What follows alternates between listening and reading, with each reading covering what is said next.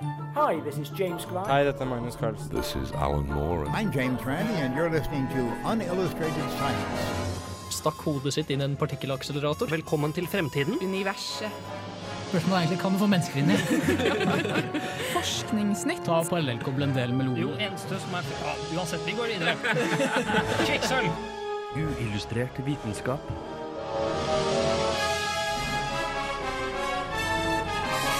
Science, works, bitches.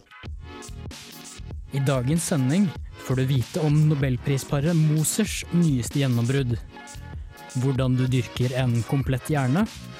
Og i tillegg en bråte med forskningsnyheter fra sommerferien.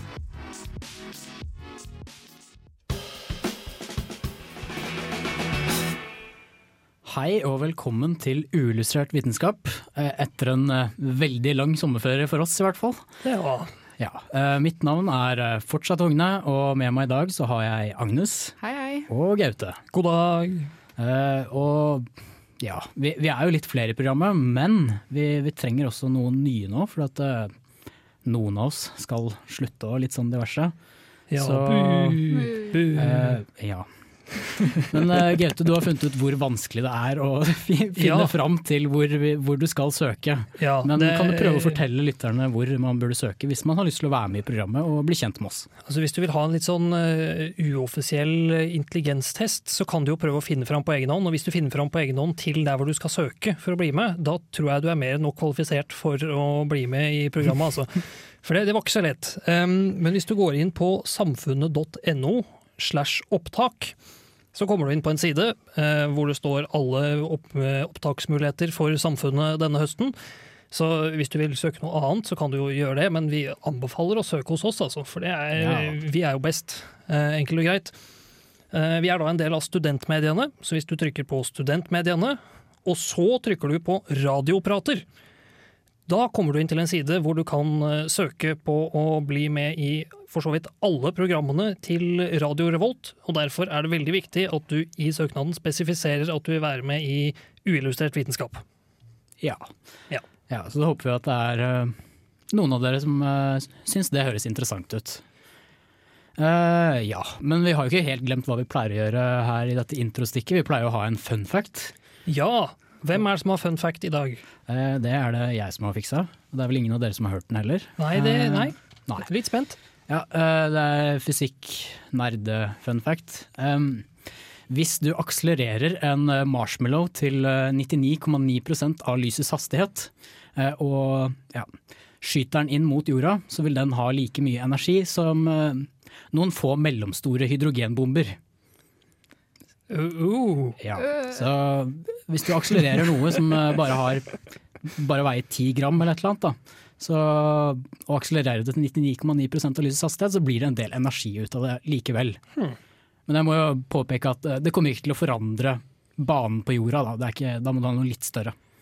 Nei, og vi skal ikke være redd for å bli beskutt av marshmallows i nærmeste fremtid, eh, antar jeg, istedenfor hydrogenbomber. Ja, nei, det, det finnes nok lettere måter å bombe jorda enn med marshmallows. Ja. Ja. Eh, men vi kan prøve å komme oss videre i sendinga. Eh, nå får du 'Sulten' av Arif.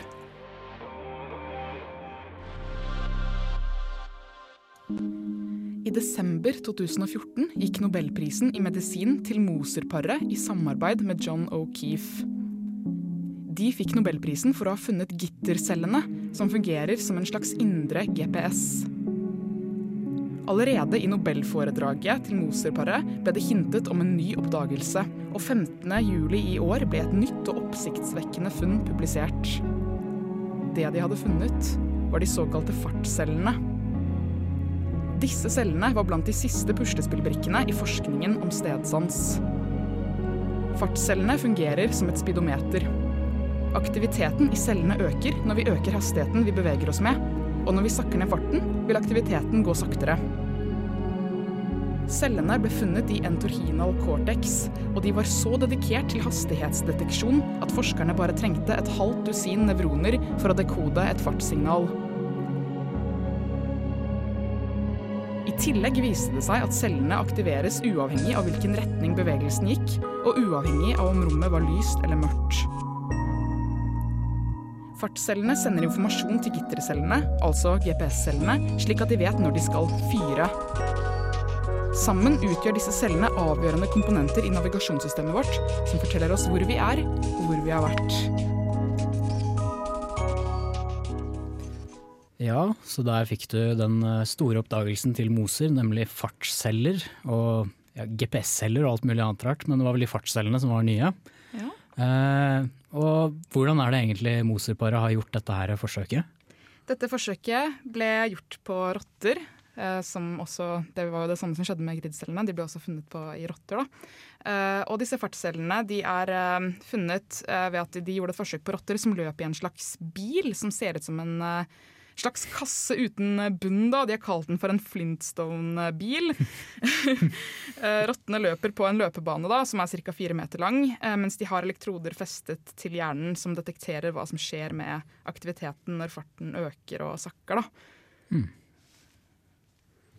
Men, eh, men altså, hvis forsøket er gjort på rotter og ikke på mennesker, går det an å trekke noe av dette her over til hvordan om vi har fartsceller også, eller er det veldig forskjellig? Nei, det er eh, ganske likt, fordi dette navigasjonssystemet er veldig likt for eh, veldig mange arter, da, fordi det er en så fundamental del av hjernen. Eh, Systemet er eh, oppbygd eh, likt hos alle de forskjellige pattedyrene, og det tyder på at vi har en felles opprinnelse. Da. Det er sannsynlig at mennesker har litt mer avanserte funksjoner knyttet til stedsansen eh, vår, da, fordi vi har jo muligheten til å se for oss imaginære rom og eh, være bevisste om hvor vi har vært tidligere, og så har vi jo også språk. Men de grunnleggende byggesteinene i systemet er de samme, da. Men uh, hvorfor er egentlig disse her eh, cellene så viktige? Man kan tenke, eh, tenke seg at vårt indre mentale kart er eh, dynamisk og hele tiden må oppdateres når vi flytter på oss. Da. Eh, og mm, en annen ting som også er Det er litt urelatert til dette med navigasjon, da, men når vi mennesker får Alzheimers, så er det den første celledøden som skjer, det skjer i det området hvor vi har gitter og fartceller. Da. Så det er også gjør at det er ganske et viktig funn. Ja. Det er jo ganske stilig. Eh, Du sa at disse cellene var lokalisert i hjernen i, i hva var det du sa, in- interinal cortex? eller noe sånt? Interinal cortex eller noe sånt, ja. Ja. Um, eh, det er her man har gjort eh, funnene, og det er en del av hjernebarken som er lokalisert i tinningslappen. Og denne, det er denne delen som styrer hukommelse og stedsans og alle sanseinntrykk. Mm. Og det er de du mister når du får al- Alzheimers? Det er der de første celledødene forekommer, i hvert fall. Da. Mm. Ja. Eh, vi har en stappet sending, vi, så vi får bare skynde oss videre. Nå får du Dem Gravity av OK Kaya.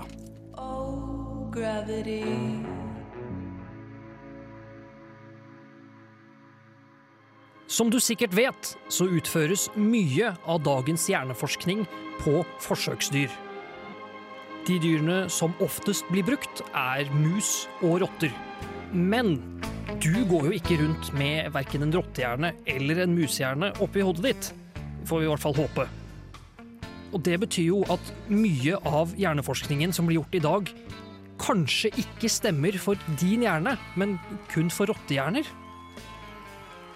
En enkel løsning på dette ville jo vært hvis vi kunne forske på menneskehjerner isteden. Men menneskehjernen er såpass ømfintlig at å grave rundt med pinsett og skalpell inni hodet på en levende person ikke akkurat er en god idé. Løsningen kan derimot være rett rundt hjørnet. Forskere ved Ohio State University mener at de har klart å lage en nesten helt komplett hjerne fra bunnen av i et laboratorium. Hjernen har de dyrket frem fra stamceller laget av hudceller til en voksen mann. Disse cellene ble plassert i et spesielt miljø, der de over tolv uker utviklet seg til å bli det som tilsvarer hjernen til et fem uker gammelt foster.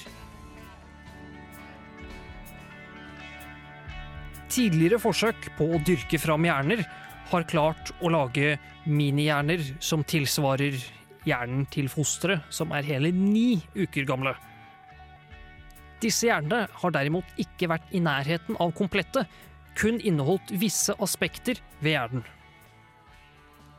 Den som nå er dyrket fram, inneholder visstnok 99% av alle celletyper og gener som er til stede i en virkelig hjerne.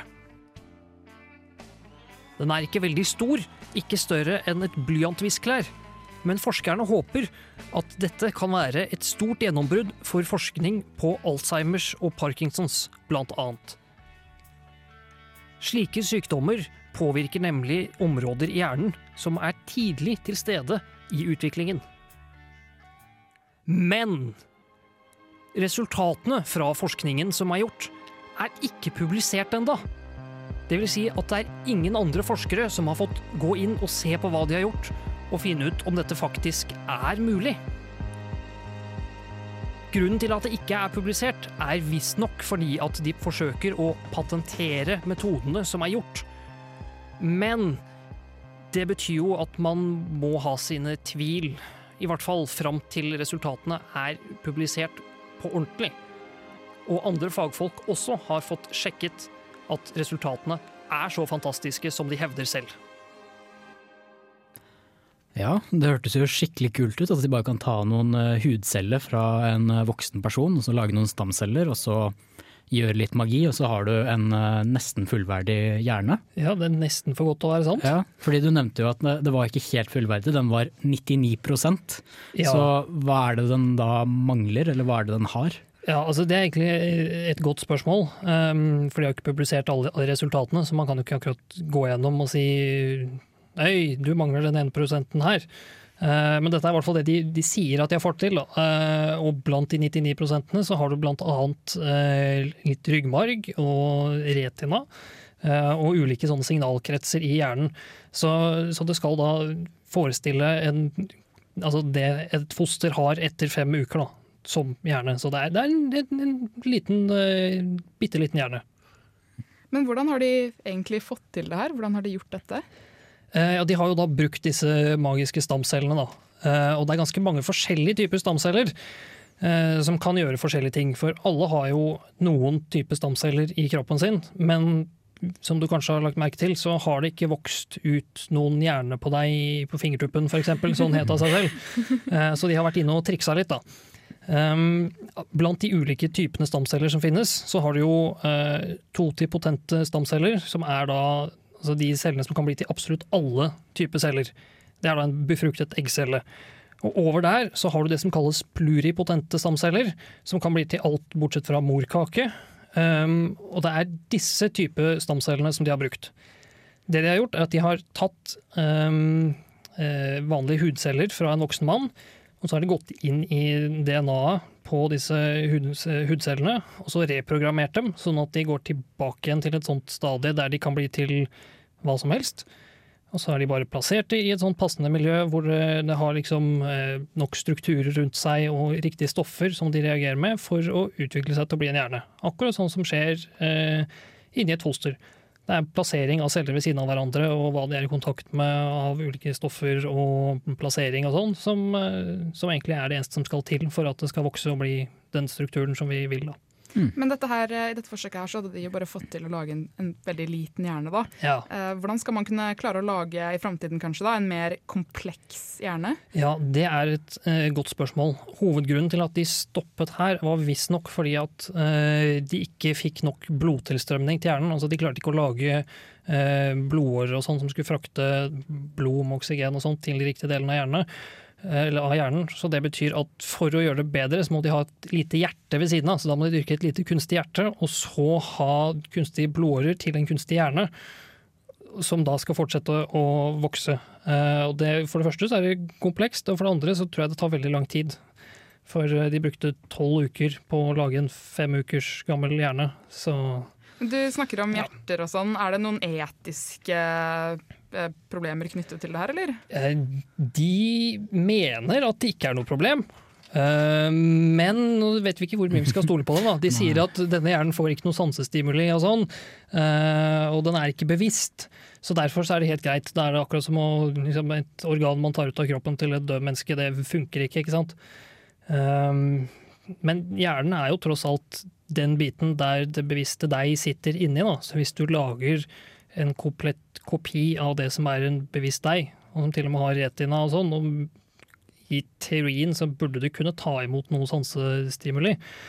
Så er jeg litt sånn skeptisk til om man begynner å bevege seg bort til grenseland for hva som er greit. Ja, nei, det, vi får jo håpe at ikke de får patentert hjernen, for den er, jeg føler den er litt for generell til å få lov å få patent på. Ja, ja det er vel metoden for å lage hjerne de har prøvd Ja. å få patent på, da, men allikevel. Ja, eh, men nå skal vi i superspeed over til neste sang, som heter eh, Superspeed av eh, Lido og Kan Blaster.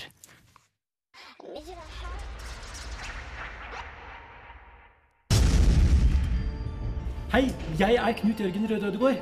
Du hører på Uillustrert, som er like kraftig som en supernova, eller kanskje en hypernova. Like vakkert som en stjernehop, og like spennende som en Venuspassasje. Uillustrert vitenskap.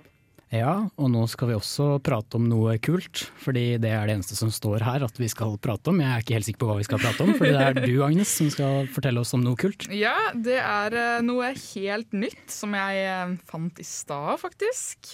Og det er at eh, det har kommet en nyhet om at framtidens elektronikk kan montere seg selv i framtiden, uten at vi blander oss inn, da. Uh. Så en slags kunstig intelligens, da, eller? På en måte, men eh, kunstig. Ja, det er på en måte kjemi da, som er eh, nøkkelordet her. Da. Ok. Eh, Det er danske forskere som har tatt et stort skritt mot målet. Og det handler om at molekyler skal organisere seg selv uten utvendig innblanding. Da. Og måten de har gjort dette på, er at de har helt en løsning over en plate, og denne løsningen er på en måte byggeklossene våre. Da. Og i den løsningen så er molekylene de er bare hulter til bulter. Og så skal man da helle såpe, det er på en måte såpe som er eh, løsningen da, over eh, denne, den andre denne hulter-til-bulter-løsningen. Og såpen ordner molekylene og skaper en stabilitet. Da. Og dette her er det de har tenkt å bruke videre for å få elektronikk til å kunne montere seg selv, da, uten at vi trenger å bruke masse penger på å lage elektronikk. Så såpe kan brukes til mer enn bare å vaske seg. Det stemmer. Tydeligvis. Uh, ja, Uh, vi har veldig mye forskningsnytt, så jeg tror vi snart kan uh, sette over til det. Men først så får du Sykt jævla kult av uh, Cezinando.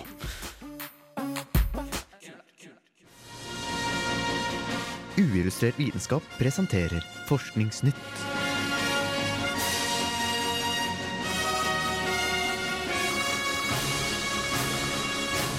Forskningsnytt.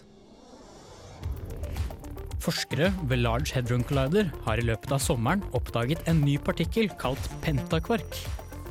Som Higgs-bosone ble eksistensen av pentakvarken spådd på 1960-tallet. Pentakvarken ble dannet ved å kombinere fire kvarker og én antikvark. Oppdagelsen er viktig fordi den vil kunne gi oss en bedre forståelse av hvordan mer normal materie, som protoner og nøytroner, fundamentalt er bygd opp.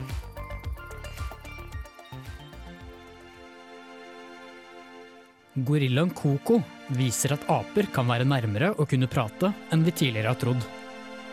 Koko har levd sammen med mennesker i mer enn 40 år, og selv om hun ikke kan prate, har hun lært en rekke ting som krever kontroll over vokabulariseringen hennes. Dette innebærer å snyte seg med et tørkle, hoste, blåse for å fjerne dugg på briller og få lyd i en blokkfløyte.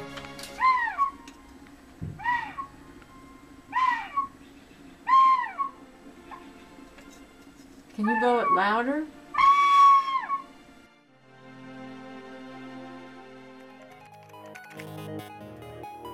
En studie gjort i sommer kom fram til at 50 sykehus i USA fakturerte pasienter uten helseforsikring mer enn ti ganger den faktiske kostnaden.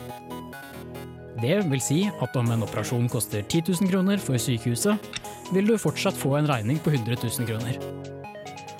Professor Gerald Anderson sier at prisene har steget veldig mye de siste tiårene, og at årsaken til at de har satt opp prisene, er fordi ingen forteller dem at de ikke kan.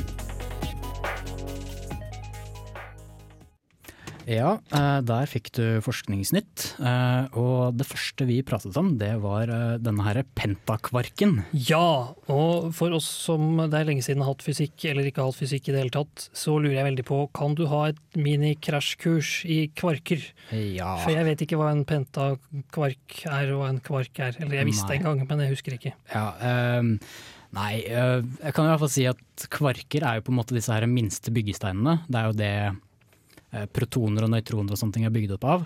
Eh, Så du har både kvarker og leptoner, som er grunnleggende byggesteiner. Mm. Og leptoner det er sånn som elektron og ja, en del flere ukjente, eller noen flere ukjente byggesteiner for oss da, som ikke vi er så godt kjent med.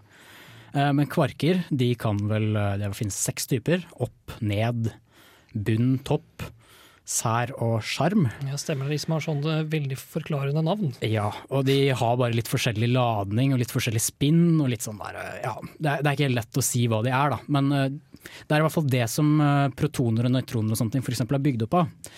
For protoner og nøytroner det er såkalte baryoner. Det vil si at de er bygd opp av tre kvarker. Mm. Og eksempel et proton den er bygd opp av kvarker slik at den får én pluss i ladning. Og da har den vel sannsynligvis eh, to kvarker som har to tredjedels plussladning, og én med minus en tredjedel. Og da får den pluss til slutt. Mens mm. nøytron har en annen kombinasjon, sånn at den blir nøytral. da. Eh, Så har du mesoner. De er bygd opp av to kvarker. Eh, Det er, er gjerne en kvark og en antikvark, som er et sånt par. Eh, Så har du, fant vi vel i fjor, fant jo Cern en tetrakvark. Eh, Det tror jeg var to mesoner som hang litt sånn løst sammen. Eh, Mens nå har de funnet en pentakvark, og det er da et baryon og en, et meson som henger litt sammen. da. Ja. Og grunnen til at de ikke annihilerer, er fordi de er ulike? Eh, ja, jeg tror det. Eh, ja. Eh, og eh, disse pentakvarkene de er ganske sjeldne, så Men du finner de noen steder. De kan eh, ja, Du finner det i partikkelakseleratorer hvis du eh, kjører de hardt imot hverandre. Men du kan også finne det i supernovaer når de former eh, nøytronstjerner og sånne ting. Men ellers er en pentakvark eh, noe som du ikke ser så mye daglig. Eh, ja, så hadde vi den andre saken min, som var om apen Koko, som kunne spille blokkfløyte, hvis du har litt. Ja, du hva, Her er jeg veldig i tvil, altså, det tror jeg jeg må google når, jeg, når vi er ferdig med sending. For, for jeg er ikke sikker på at det er en ape. For meg kunne det like gjerne ha vært en eller annen barneskoleelev som øvde. Altså. Det er ikke lett å si. Ja. Nei, men det er i hvert fall så langt du kommer med en ape, hvis du har eh, psykologer og biologer som trener flere ganger flere timer daglig i 40 år, så kan du få en gorilla til å spille på den måten der. Uh, og dette her var overraskende, da, for at jeg trodde det ikke var mulig. Men med 40 års arbeid så fikk de til noe. Veldig godt bruk av forskningsmidler, altså. Her lærer vi en ape å spille én tone litt surt. Ja, da, men han kan pusse brillene dine også, da, så det er sant, ja, noe positivt. Uh, så har du denne her siste saken, som er litt sånn ja, litt trist, da. Uh, I USA så er det 50 sykehus som uh, tar mer enn ti ganger uh, prisen hva det koster å gjøre selve operasjonen. Og den verste det var Florida Panhandle, som hadde 12,6 ganger hva det egentlig kostet. Jo. Eh, og det er veldig synd hvilke disse her går utover. Fordi de som har uh, forsikring, de har, har gjerne et uh, forsikringsselskap som forhandler for dem, og som gjør at det blir billigere for dem. Men de som ikke har forsikring, de har, må forhandle for seg selv, og må gjerne da betale full pris. Og man går jo dessverre da konkurs da, hvis man ikke har penger til dette. Det er veldig mange som eh, kvier seg veldig for å måtte dra til legen, da, fordi de vet at eh, det koster så utrolig mye hvis ikke du har forsikring. Men øh, hvor er det alle disse ekstra pengene går hen? Går det rett i lomma på sykehuset, eller er det Ja, det gjør nesten det. Eh, doktorer og sånne ting de har jo veldig veldig høye lønninger i USA mot resten av verden. Mm. Men det er veldig veldig mye ja, Legemiddelbransjen også for så vidt. De tar veldig mye mer enn det det egentlig koster i Europa og sånne ting. Eh, Men veldig mye av det går også direkte til sykehuset. Og de har dessverre ikke et konkurransetilsyn, sånn som f.eks. her i Norge, da, som reagerer med en gang bensinprisene eller eh, matprisene eller sånt eh, er litt for høye. Så reagerer jo Konkurransetilsynet i Norge. Men det er ingen som reagerer i USA, og da har det jo bare akselerert og akselerert, og nå er det ja, en helt håpløs tilstand egentlig, da, hvor det går mest utover de som er fattigst. Mm. Uh, Men vi har veldig mye forskningsnyheter uh, siden det har vært en hel sommerferie. Uh, Så jeg tror vi kan komme oss videre. Og før du får litt mer fors- forskningsnyheter, så får du Feather av Vavatosa. Uillustrert vitenskap presenterer Forskningsnytt.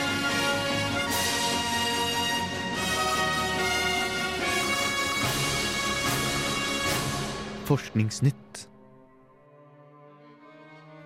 En vaksine mot ebola brukt i et prøveprosjekt i Guinea har vist seg å ha en suksessrate på 100% av pasientene som fikk vaksinen. Vitenskapsmenn, doktorer, donorer og legemiddelbedrifter har samarbeidet i denne prosessen, som vanligvis tar mer enn ett tiår, og fullført på bare tolv måneder. Norge har vært en stor bidragsyter gjennom hele prosessen. Nå tror mange at vi kan få kontroll på utbruddene, og kanskje utrydde ebola innen ikke altfor mange år.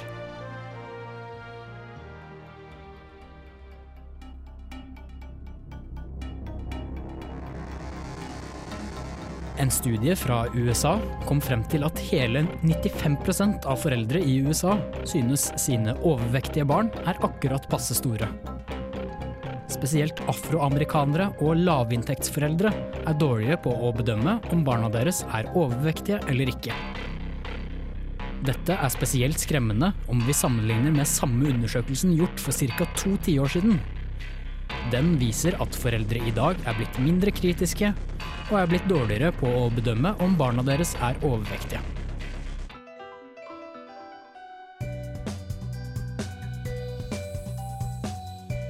En studie gjort ved universitetet i Pennsylvania fant ut at hele 91% av helserelaterte websider videreformidler sensitiv informasjon til tredjeparter. Dette inkluderer sider som Google, Facebook og Twitter, som alle lagrer om du søker etter f.eks. hiv eller kreft, som er nok til å tipse om du har en spesifikk sykdom. Vi vet fra før at sider som Google bruker denne informasjonen til å lage målrettet reklame for deg. Men om de bruker informasjonen til noe annet, er usikkert.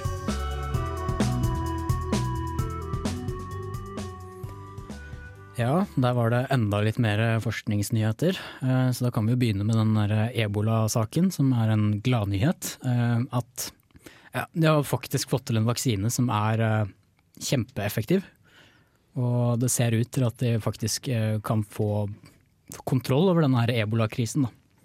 Ja, det er jo veldig bra. Og denne, de er sikre på at den, at den funker. Det er ikke noe sånn snusk i denne forskningen her som, som Ja. du vet om, eller? eh? Nei det, dette her er jo eh, ordentlig forskning, og Mm. de har hatt veldig problemer, eller pleier vanligvis å få veldig problemer med placebogrupper når du har slike store sykdommer som dette her, fordi ja, det er noen du helst ikke bør gi medisinene til for å sjekke om faktisk medisinen fungerer eller ikke. Da. Eh, Men det var ikke noe problem her, da. Eh, Kanskje dessverre, eh, fordi det var egentlig bare ca. halvparten av befolkningen som takket ja til å ta denne her vaksinen. Mm. Og da fikk du automatisk en kontrollgruppe som ikke fikk vaksinen, og så kunne du se hvor effektiv vaksinen var. Mm.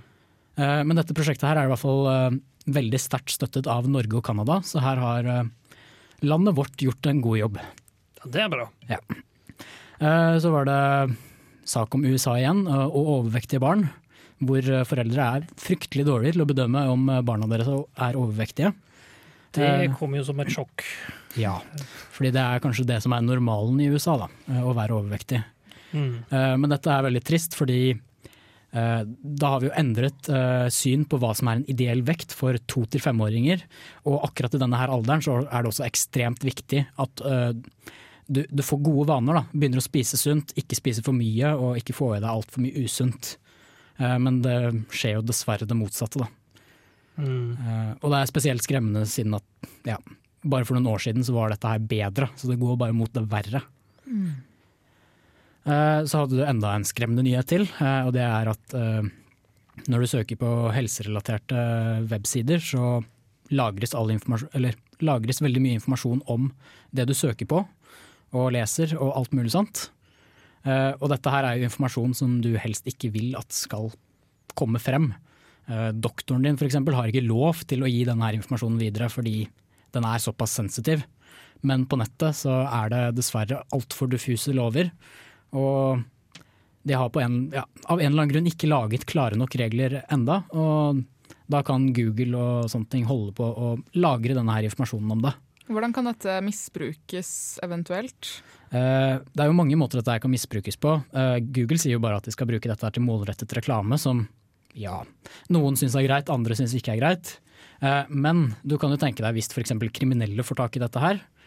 De kan bruke dette her til å ja, veldig mye skummelt. Eh, og det kan f.eks. hvis en eller annen forsikring, et eller annet forsikringsselskap får tak i dette her, så kan de se at du har søkt på masse sykdommer eh, sykdom om dette her, og det ser ut som at du kommer til å få en del sykefravær. Eh, så vi ja, ønsker ikke å gi deg forsikring, eller vi ønsker ikke å gi deg jobb her f.eks. For eksempel, fordi vi ser at eh, du har mye sykdommer og ikke kommer til å jobbe så mye, eller du kommer til å få et høyt sykefravær. Og De kan også se om du har dårlig økonomi i- i USA, fordi ja, nettopp av det jeg forklarte i stad, at hvis du har en veldig dyr operasjon, så går du gjerne konkurs i USA. Mm. Og da kan de også se at du har en dårlig økonomi fordi du har måttet betalt eh, ganske mye i en eh, nylig operasjon. Ja, eh, Så har jeg egentlig et spørsmål til dere. Hva syns dere om målrettet reklame? Syns dere det er greit, eller syns dere det ikke er greit? Du må lagre informasjonen først, men målrettet reklame er jo på en måte bedre enn vanlig reklame. Eh, nei. nei. All reklame er uh, Det er veldig sjelden jeg går inn på nettet og tenker å, nå skal jeg google all, all reklamen som jeg har lyst til å se på. Ja, men eh, du får den sånn opp hvis du eh, er veldig interessert i datamaskiner, så får du opp mange reklamer om å kjøpe en datamaskin som kanskje er noe du trenger, osv. Ja, ja, altså jeg har fått eh, masse annonser hele sommer om hatter, fordi jeg var inne og googla én hattetype uh, i våres. Uh, så, så jeg vet egentlig ikke helt sånn Ja. Ja, nei, det er Gaute sa. Enig. Ja, nei, det, det er ikke alle de algoritmene som er helt bra, nei. Uh, men da har jeg et siste lite tips. Hvis dere ikke har lyst på reklame, og ikke lyst til at Google og ting skal kunne lagre tredjehåndsinformasjon om deg, så kan du laste ned noe som heter Adblock Plus, eller Ghostry, som en sånn plug-in til eh, nettleseren din. Eh, og så forhindrer du dette. Eh, nå får du en låt som heter Mama Said av Randy Valentine. Ja, da nærmer vi oss slutten. Ja, vi kan vel reklamere for eh, at vi trenger folk i programmet en gang til. Ja, da skal jeg prøve å si det litt raskere enn på introen. Du går inn på samfunn.no slash opptak, og så trykker du på studentmediene, og så på radioprater. Og så skriver du inn at 'jeg vil være med i Uillustrert vitenskap', oh, og søker. Ja, og det vil vi veldig gjerne at Ja. vi skal få med noen flere her. Eh, mitt navn har vært Hogne, og med meg i dag så har jeg hatt eh, Agnes, Ha det bra. eh, Gaute, Ha det bra. Ja, og vi ses neste uke.